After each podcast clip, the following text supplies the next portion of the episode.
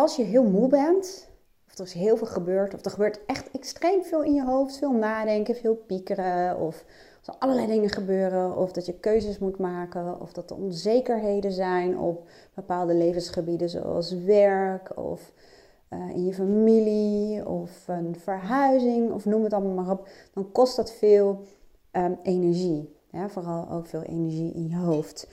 Nou is het zo dat als jij een gezond functionerend brein hebt, dan ehm, zal het op een gegeven moment zo zijn dat jouw brein, net als dat je telefoon dat bijvoorbeeld ook doet als die bijna leeg is, in de energiebesparingsmodus gaat. Dus bij een telefoon geldt dat ehm, de prestaties van bepaalde apps, die worden dan minder. Hè? Of het beeld wordt wat minder uh, goed, of het licht gaat, wordt wat zachter. Alles om energie te besparen. Voor je brein en je lichaam geldt exact hetzelfde, want je brein is geprogrammeerd om te overleven. Dat is een primaire programmering. De tweede programmering is uh, groei, voortplanten, zullen we maar zeggen. Maar het allerbelangrijkste is overleven. Dus jouw brein die zal er alles aan doen om te zorgen dat jij overleeft. En één van de manieren om dat te doen is energie hebben en behouden. Dus op het moment dat je moe bent, of dat je overspannen bent, of burn-out klachten hebt, of uh, nou ja, wat dan ook, en ook als je moe bent, dan zal jouw brein, als het goed functioneert, in de energiebesparingsmodus gaan. En dat betekent een aantal dingen. Als het goed is, niet zo leuk om te horen, maar uh, nou ja, het is een gezond teken. Vergeet je heel erg veel dingen, word je vergeetachtig. Ben je in één keer de verjaardag van je vriendin vergeten bijvoorbeeld? Of vergeet je iets te halen wat jij zou halen? En dat komt omdat jouw brein een soort filter heeft en die, die filtert alles van um, wat naar binnen komt is dit belangrijk voor de overleving? Nee, vloep, weg ermee. Bij wijze van spreken. Ik zeg het nu even kort door de bocht. Maar dat is wel een beetje wat het is. Dus um, zaken als verjaardagen of uh, ogenschijnlijk fertiliteiten, die worden gewoon gefilterd. En die zul je wat minder snel opslaan dan wanneer je gewoon fit bent en voldoende energie hebt. Wat je ook heel vaak ziet, is dat je veel meer naar binnen gekeerd raakt.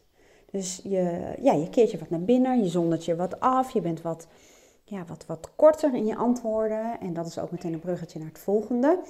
Ook als een soort beschermingsmechanisme proberen we eigenlijk andere mensen een beetje te weren. Vooral uit bescherming dat je daar wat mee moet doen of wat voor moet doen of dat ze wat van je willen.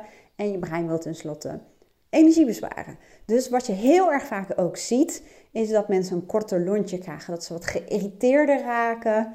Ehm, wat afweziger zijn. Dus dat zijn allemaal typisch van dat soort verschijnselen van een energiebesparingsmodus in het brein.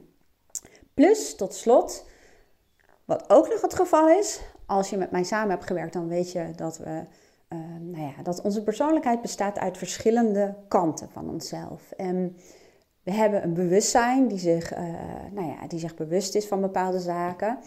En um, we weten ons in principe te gedragen. Laten we het maar even zo zeggen. Hè? Eh, conform welke normen heb ik het dan ook maar niet over. Maar als je energiek bent en lekker in je vel zit, dan merk je ook dat het bijvoorbeeld makkelijker is om kritiek te weren. Hè? Of als iemand iets doet wat jij niet leuk vindt, dat je daar nou ja, wat makkelijker mee om kan gaan, om het zo te zeggen. Of dat je wat beleefder bent. Maar als je moe bent, dan is je bewustzijn ja, een beetje, uh, die staat een beetje in de stand-by modus, laten we het zo maar noemen. En wat je dan heel vaak ziet, je gaat meer, nog meer terugvallen op je automatische piloot. En op je automatische piloot, of in je automatische piloot, hoe zeg je dat? In jouw programma wat draait zonder dat je daar echt heel erg bewustzijn bij nodig hebt, zitten al die verschillende kanten van jou. En kanten die je normaal gesproken misschien onderdrukt omdat het niet netjes is, of niet beleefd, of niet aardig, of whatever, die vinden in één keer de ruimte om daaruit te komen, omdat je bewustzijn een soort van aan het slapen is. Kun je je voorstellen dat als je bijvoorbeeld heel lang uh, niet hebt gezegd dat je ergens aan irriteert en elke keer dat hebt onderdrukt, nou dat gaat allemaal prima, waarschijnlijk. En op een gegeven moment ben je moe en dan in één keer hoeft er maar één trigger te zijn en dan wam, komt het er in één keer keihard uit. Volgens mij mijn stem nu ook, maar goed, dat even terzijde. Ik hoop dat je geen oordopjes in had.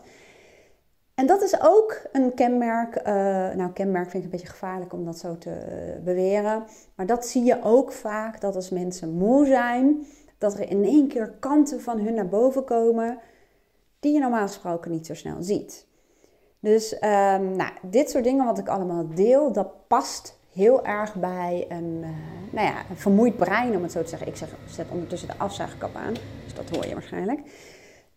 Um, dus dat, dat zijn, nou ja, nogmaals, ik vind kenmerk een beetje een naar gevaarlijk woord.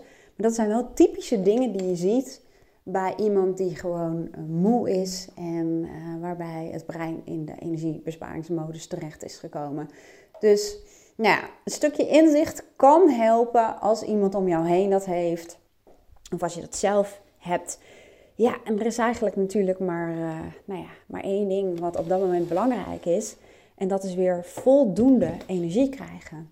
En dat kan door uh, rust te nemen, dat kan door juist activiteiten te ondernemen waar je heel erg blij van wordt. Dus zoek verschillende energiebronnen om te zorgen dat je bij wijze van spreken weer uit die energiebesparingsmodus komt, uit de reserve. Of hoe heet dat in je, in je telefoon? Nou ja, ik weet niet welk percentage, maar in elk geval weer een gezond percentage. En als dat gebeurt, ga je ook merken dat je weer wat meer naar buiten bent gekeerd en dat je weer wat flexibeler bent en wat weerbaarder bent. En uh, nou ja, dat is natuurlijk wat ik uh, iedereen gun. Dus ik hoop dat je hier een beetje um, inzicht uh, door hebt gekregen en dat je weet hoe het werkt. En dat het dus echt wel een teken is, een, een, een ja, een signaal als je dit soort dingen herkent, dat, dat je echt wat moet doen om je energie weer omhoog te krijgen. Nou, hele fijne dag en tot de volgende keer.